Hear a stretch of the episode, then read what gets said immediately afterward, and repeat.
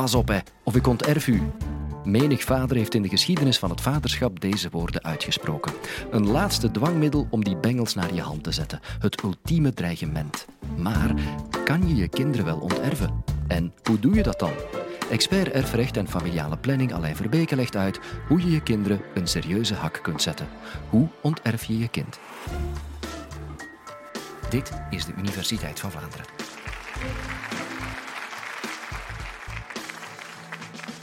Weet u nog, toen u als klein kind iets had uitgespookt, stout was geweest, iets fout had gedaan en papa was heel boos en zei let op, hè, ik pak u alles af.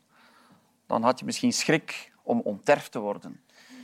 Kan dat eigenlijk wel? Kun je je kind, je biologisch kind of je geadopteerde kind, onterven? Laat ons eerst eens kijken naar de oorsprong van het erfrecht en laat ons een gewoon heel eenvoudig geval nemen waar we het principe van de gelijkheid van de kinderen uh, geïllustreerd zien. We hebben een mama die weduwe is met drie kinderen, Anna, Marie en Thomas. En ze heeft een huis, de mama, ze heeft een auto, wat bankrekeningen en wat beleggingen, allemaal samen 900 waard. Het als mama niet speciaal heeft geregeld, dan gaat het gewone erfrecht werken en dan geldt er een volledige gelijkheid tussen de kinderen. Dus elk van de kinderen krijgt 300. Nu gaat u zeggen, ja, dat is toch eigenlijk logisch, dat is fair, onze kinderen zijn toch gelijk. Maar dat is niet altijd zo geweest.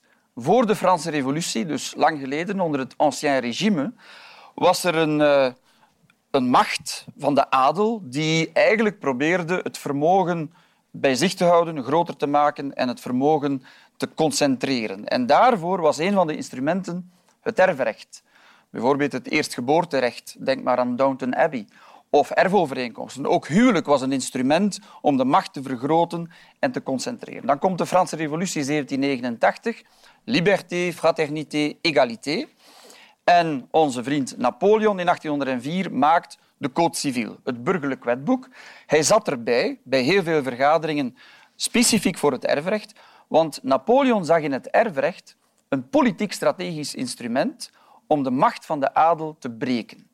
Maar wat zei hij? We gaan dat erfrecht veranderen en we gaan gelijkheid tussen erfgenamen maken en vooral tussen kinderen. En zo gaan we het vermogen versnipperen. Neem een man die een vermogen heeft van duizend. In die tijd was het courant om redelijk wat kinderen te hebben, dus hij heeft tien kinderen. En elk van zijn kinderen heeft ook tien kinderen. Dan ga je op twee generaties het vermogen versnipperen van duizend naar tien. Dus een zeer effectief instrument, dat erfrecht, om de macht van de adel te breken. Nu hebben wij in, uh, vanaf 1 september 2018, dus zeer recent, een nieuw erfrecht, een hervormd erfrecht in België. Ik was lid van de commissie erfrecht en ook daar, elke commissievergadering, werd voorgezeten door onze eigen kleine Napoleon, minister van Justitie Koen Geens. Hij zat erbij en hij maakte ook de hervorming heel duidelijk mee. Maar maak u geen zorgen, de gelijkheid van kinderen in het erfrecht is herbevestigd en blijft in ons recht een basisregel. Terug nu naar de vraag. Kan ik nu mijn kind onterven? Kan ik niet als een kind mij nooit meer contacteert, uh, aan de andere kant van de wereld woont, mij permanent verwijt, ik heb het al twintig jaar niet meer gezien, kan ik dan zeggen, ik schrap je? Het antwoord is nee, of toch een beetje. Want het nieuwe erfrecht vanaf 1 september 2018 heeft de mogelijkheden om een beetje te knabbelen aan de erfenis van uw kind serieus vergroot. Er zijn drie manieren om dat te doen. Ten eerste kun je bepaalde goederen aan één kind geven, wat vroeger niet kon. Vroeger was de regel elk kind heeft recht op zijn deeltje in de goederen van de nalatenschap. Dus er was hier in ons voorbeeld een huis, bankrekening, belegging, een auto. Elk kind had recht op een stukje daarvan.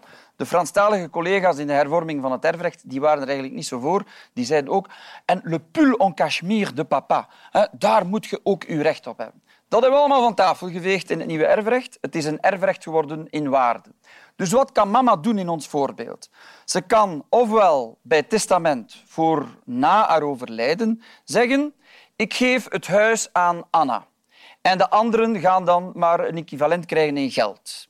Dat doet ze met een legaat in een testament. Maar ze kan het ook doen tijdens haar leven door een schenking te doen.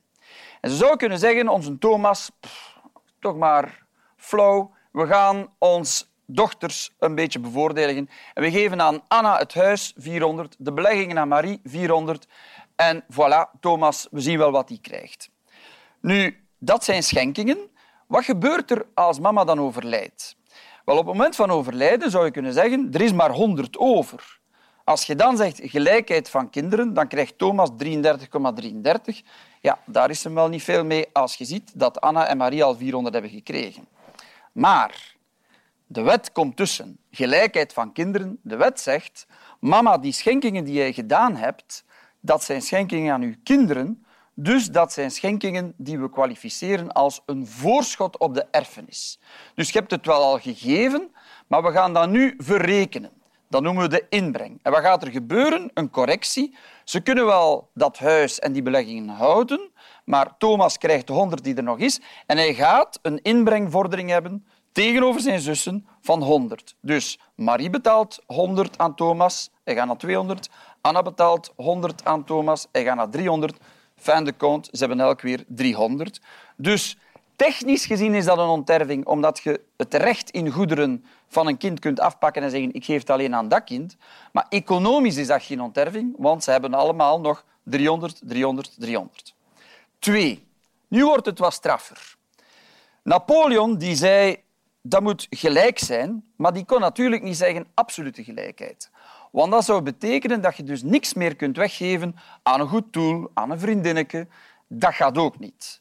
Dus Napoleon die zei, we gaan die gelijkheid toepassen op een absoluut minimum-erfdeel, een voorbehouden erfdeel dat u misschien ook kent als de reserve. Dat wil zeggen, er is een stuk van de goederen gereserveerd voor de kinderen en dat kun je hen niet afpakken.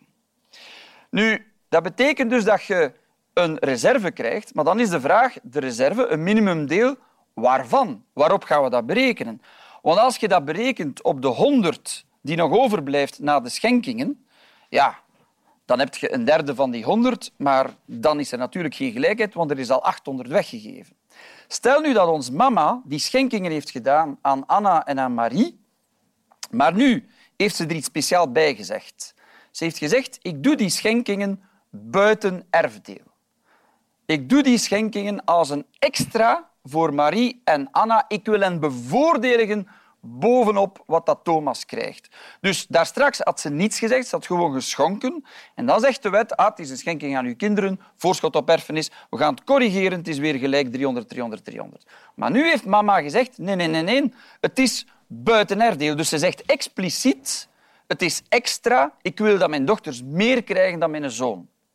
En dan moeten we gaan kijken, de gelijkheid op het minimumerfdeel dat Thomas krijgt, waarop gaan we dat berekenen? Nu wordt het een beetje complex, want nu moeten we de fictieve massa berekenen. Want zoals ik daarnet al zei, als je die gelijkheid zou toepassen op de 100, ja, dan is hem natuurlijk niet geholpen, onze Thomas.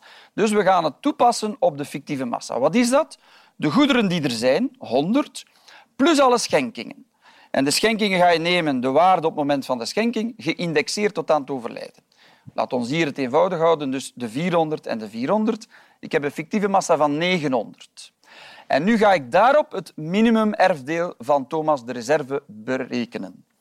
Vroeger, tot 1 september 2018, had Thomas, er waren drie kinderen, recht op een kwart, dus 2,25. Ook daar hebben we ingeknipt in het nieuwe erfrecht. We hebben de reserve, dus het beschermde erfdeel, verminderd. We hebben het deel dat je kunt vrij weggeven, het beschikbaar deel, verhoogd. Dus we hebben eigenlijk de mogelijkheid om te onterven verruimd.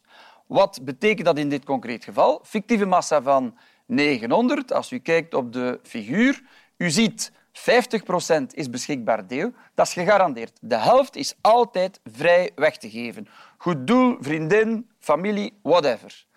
De andere helft is de globale reserve. Dat wil zeggen het beschermde deel voor al de kinderen.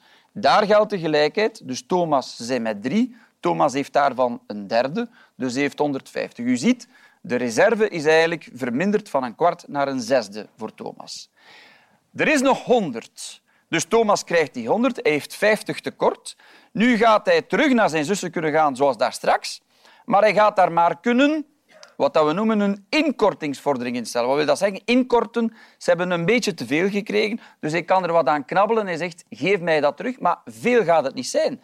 25 bij Anna, 25 bij Marie. Samen is dat 50. Thomas heeft 150, maar de meisjes hebben elk 375.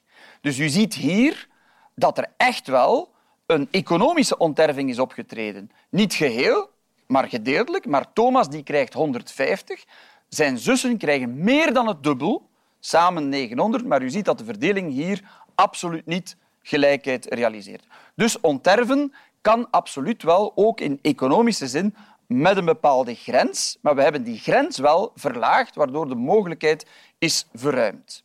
En er is nog een derde mogelijkheid, die vroeger vroeger, het is precies als het uh, in de rechtsgeschiedenis is, nee, het is uh, tot 30 augustus 2018, uh, kon dat eigenlijk bijna niet. Namelijk een erfovereenkomst maken waarbij dat je vrijwillig onterft.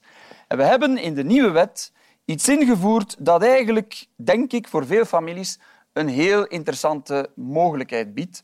De pact familiaal of de globale erfovereenkomst. En wat we daarmee willen bereiken, is dat ouders en kinderen kunnen samenzitten om samen te werken aan een regeling die een evenwicht realiseert tussen die kinderen, los van die mathematische gelijkheid. En ik geef u twee voorbeelden. Stel dat in ons voorbeeld Anna woont om de hoek bij de ouders. En de ouders gedurende 25 jaar, zoals dat nu gaat in moderne gezinnen, gaan uh, voortdurend assistentie geven aan Anna en haar gezin. Ze zijn babysit, ze zijn kok, ze zijn chauffeur, ze zijn tuinier, ze zijn schilder. Uh, ze doen van alles gedurende 25 jaar. Als je dat op de markt moet gaan halen, officieel met een recept of btw betalen, je zult weten wat betaalt.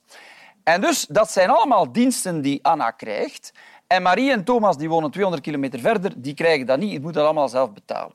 Wel, ze kunnen samen zitten en zeggen, kijk, eigenlijk, wij beschouwen al die diensten die Anna gekregen heeft, dat dat een waarde heeft van 450.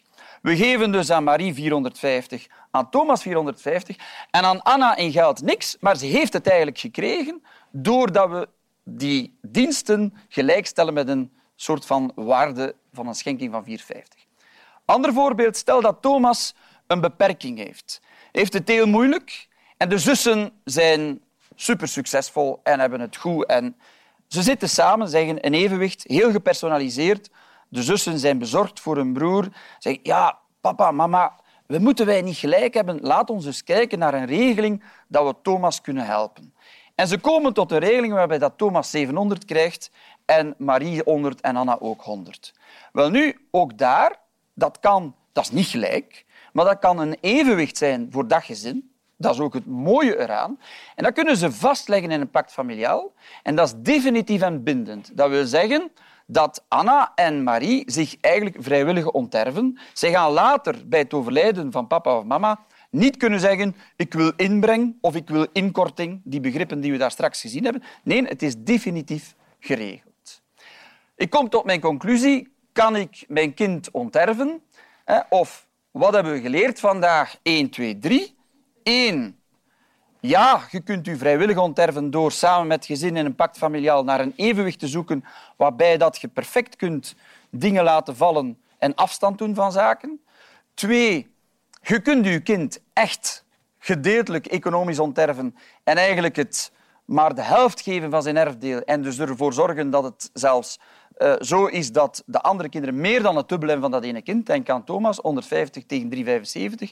En drie, je kunt bepaalde goederen aan één kind geven en zeggen tegen de andere jullie hebben daar niets mee te maken, denk maar aan een familiebedrijf, jullie krijgen daar niks van, jullie krijgen gewoon een equivalent in geld. Dank u wel.